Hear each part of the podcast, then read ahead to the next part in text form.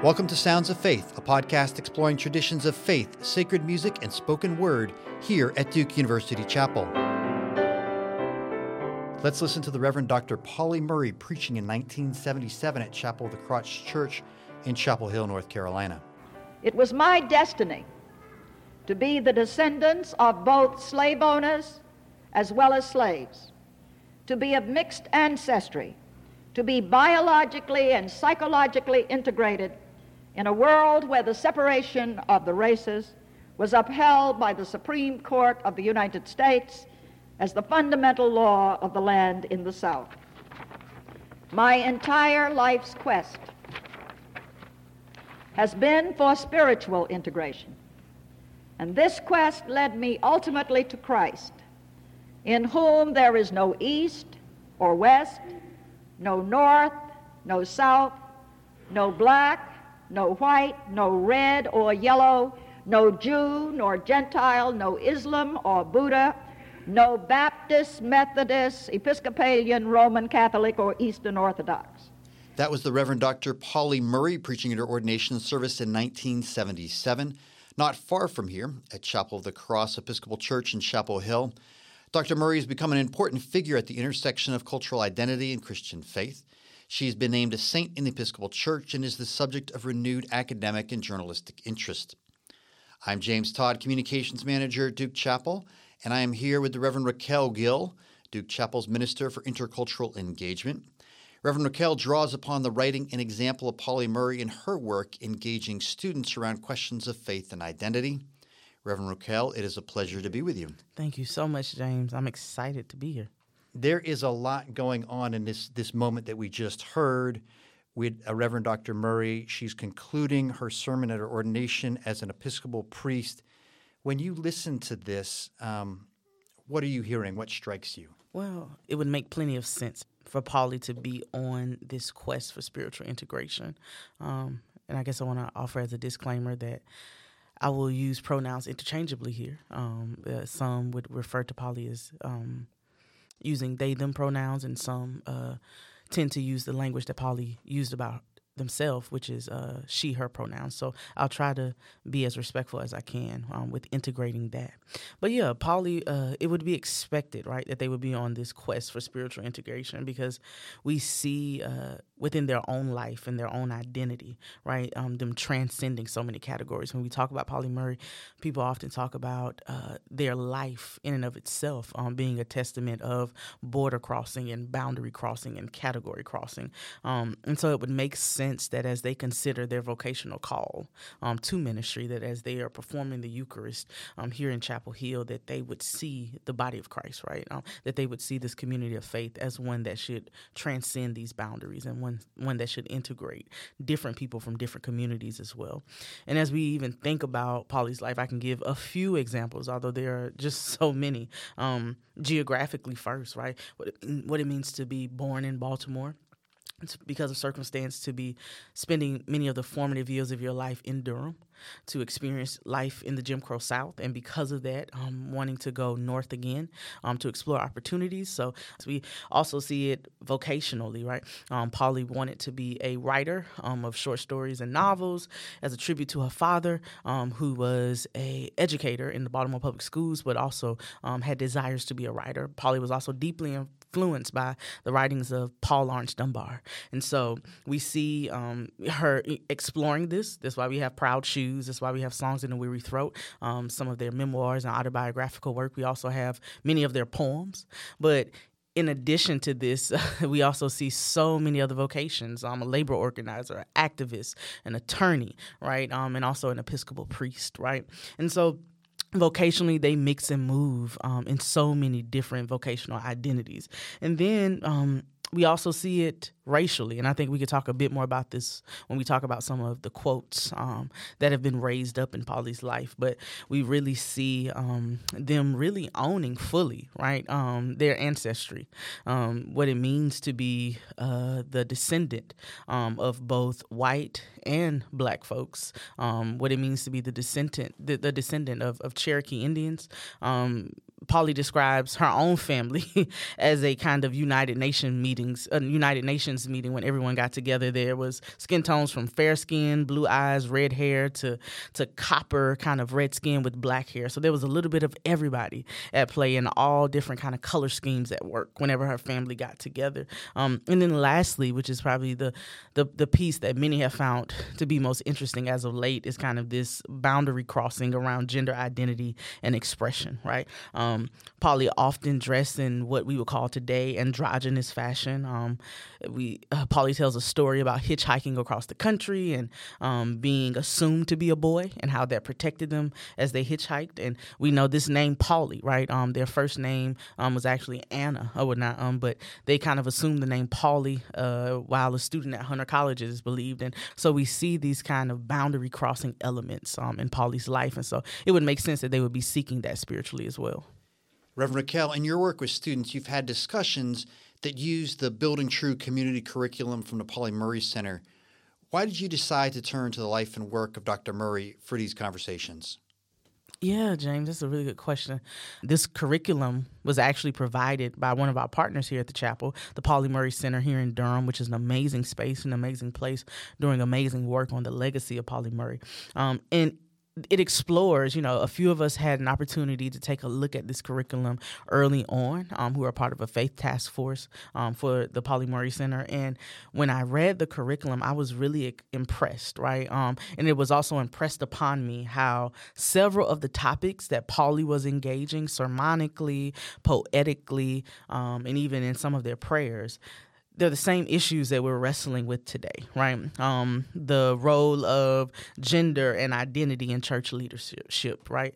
Um, when we look at what's happening with several denominations, um, or um, uh, historically Protestant denominations around the leadership of those of, of, various identities, right? The legacy of slavery at many institutions, and and what does it mean to reconcile that legacy? How do we make sense of that legacy as we look at many institutions really accounting for um, some of their um, dealings with slavery and how to make amends for that, right? And also the real theme of self integration, right?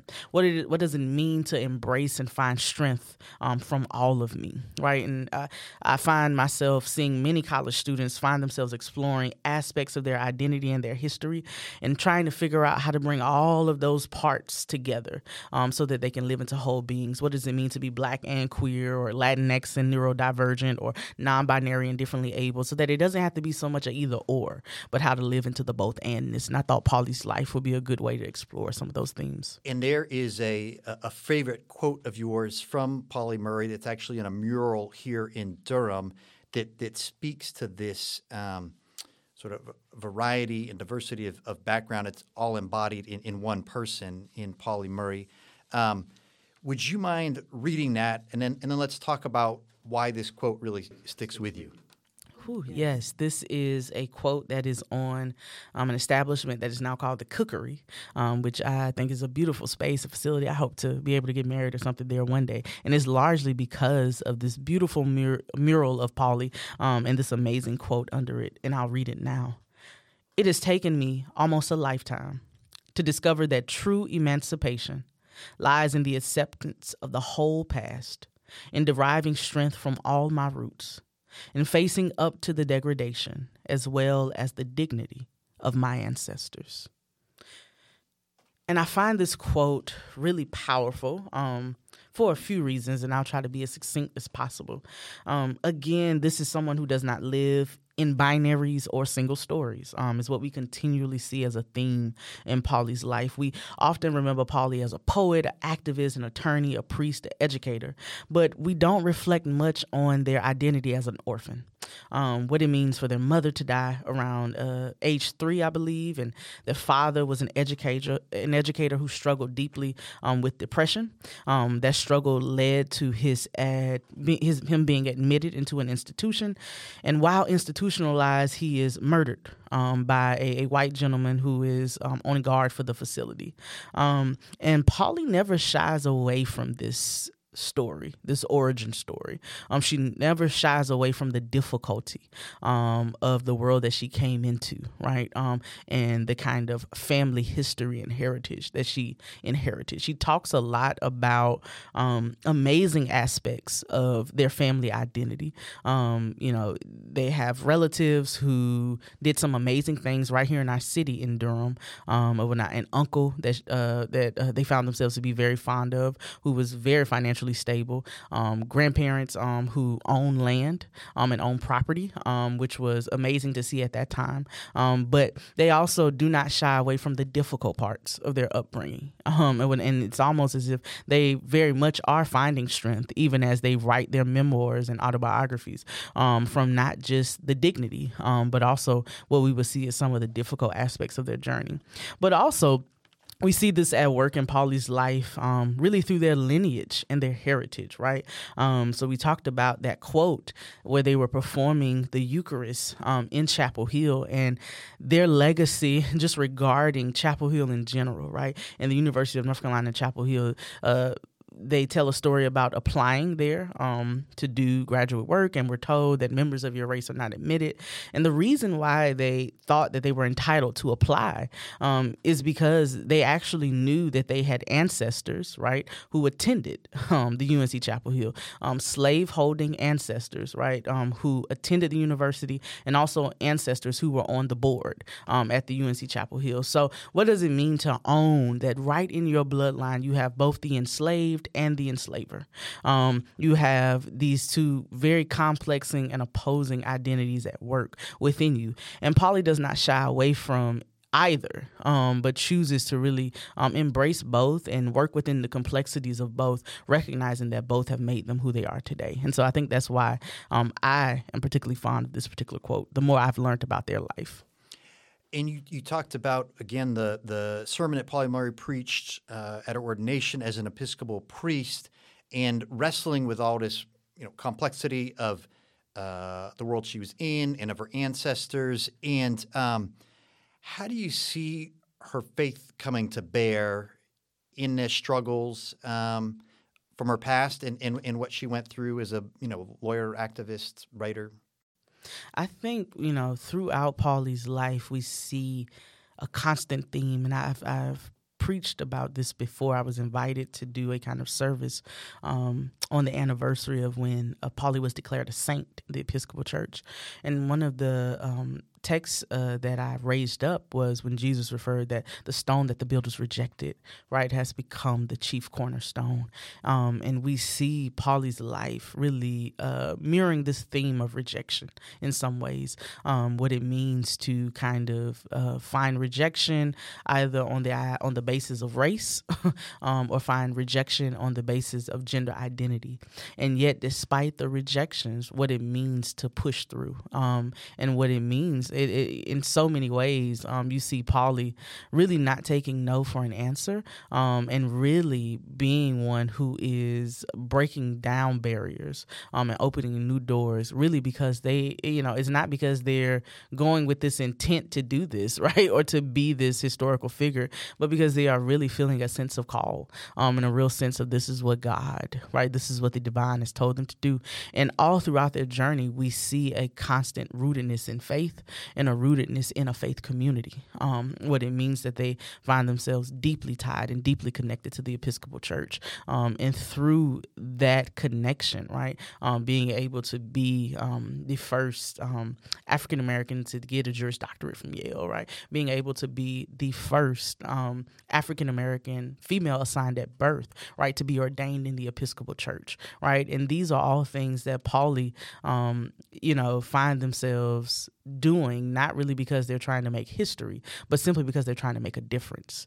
And they would profess that that need to make a difference they really found from the faith of their ancestors particularly the faith of the women in their lives their aunt pauline and their grandmother and so we see faith being a central theme um, in how they moved about in the world i'm wondering about the proximity of Pauli Murray, and by that I say that the, the Pauli Murray Center, um, her childhood home is right here in Durham. It's now a, a national uh, landmark, mm-hmm. and so as you're um, you're saying, you know, preaching um, services about Pauli Murray, uh, interacting, engaging with students.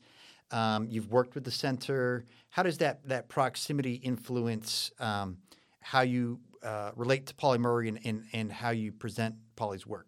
Ooh, it would, I was hoping to to really um, address this, so I'm glad you asked.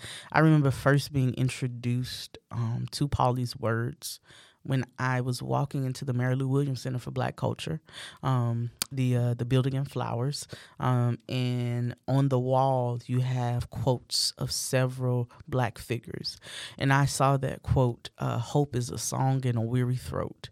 Um, and I thought that was the most beautiful quote. Um, I took a photo of it on my phone and kind of uploaded it as a background um, on Facebook, which was becoming more popular at the time. I don't think college students on Facebook as much anymore, but um, but yeah. So I uploaded that, and I was just really captivated um, by that quote, by that phrase, um, even when I was not as familiar with the person.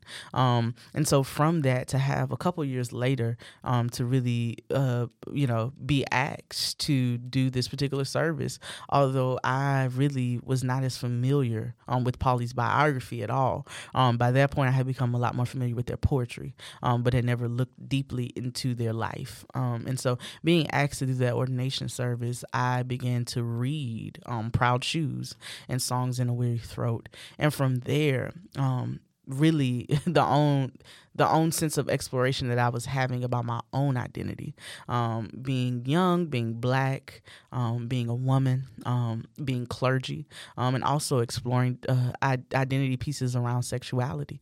Um, I really found Pauli to be a model for me, um, and somebody who really made me feel that I was not alone through a very difficult season when I was figuring out how to integrate all the parts of me.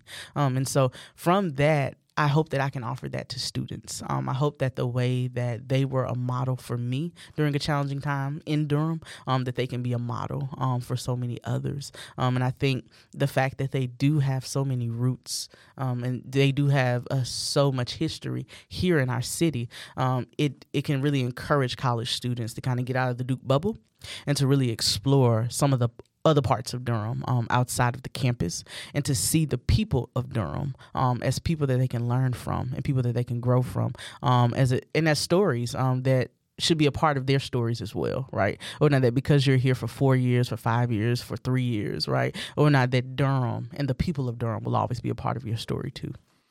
Pauli Murray had a, had a profound influence on you personally.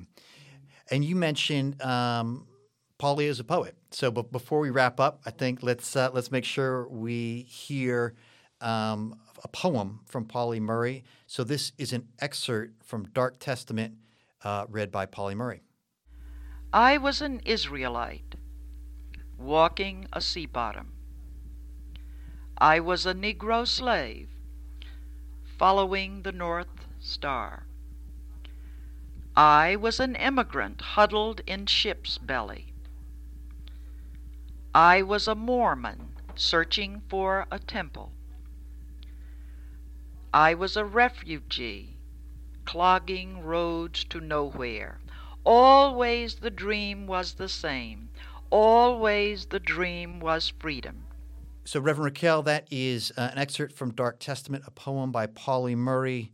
what are you hearing in this passage that we just listened to?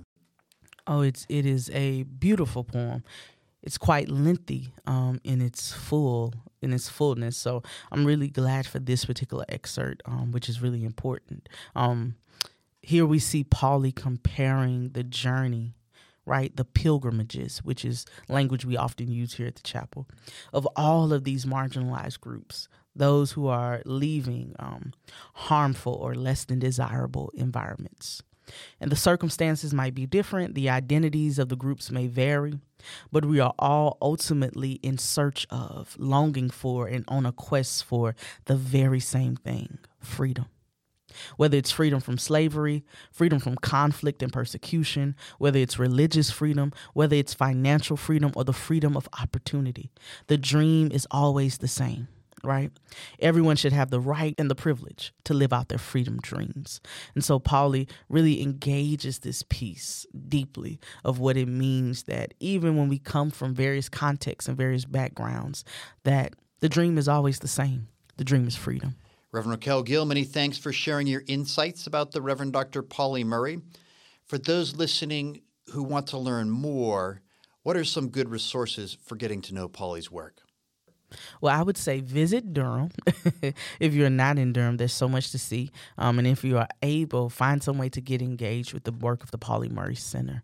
Um, I think it's an amazing place. They do a lot of community education and co curricular programming, a lot of stuff virtually as well. And so I think that space will be a great space to start. Um, also, there's a text. I know James has been reading Proud Shoes. How have you been enjoying it? It's been a fascinating slice of American history that mm. is brought home not only by kind of her research and her family story, but by describing where she grew up. And I, I drive by there regularly. I mean, it's close, so yeah. it brings it home. Yeah, no. So Proud Shoes is always a great start, and I think it's it's kind of where I recommend folks first because this is really Pauli in Pauli's words, and I think um, that's beautiful. We rarely get that about uh, black figures um, before a certain time period. And then there's a new text that's out um, just a collection of their speeches and sermons called To Speak a Defiant Word. Um, and this is edited by Dr. Anthony Pinn and Dr. Michael Eric Dyson. I think that is a good text to look to as well. And I hope that the same way Pauli drew strength from her ancestors, that we can draw strength from Pauli as an ancestor as well. Reverend Racquel Gill is Duke Chapel's Minister for Intercultural Engagement. Reverend Racquel, thank you for sharing your time and your insights. Thank you so much. This has been Sounds of Faith from Duke University Chapel. Learn more about the chapel's mission, ministry, events, and programs at chapel.duke.edu.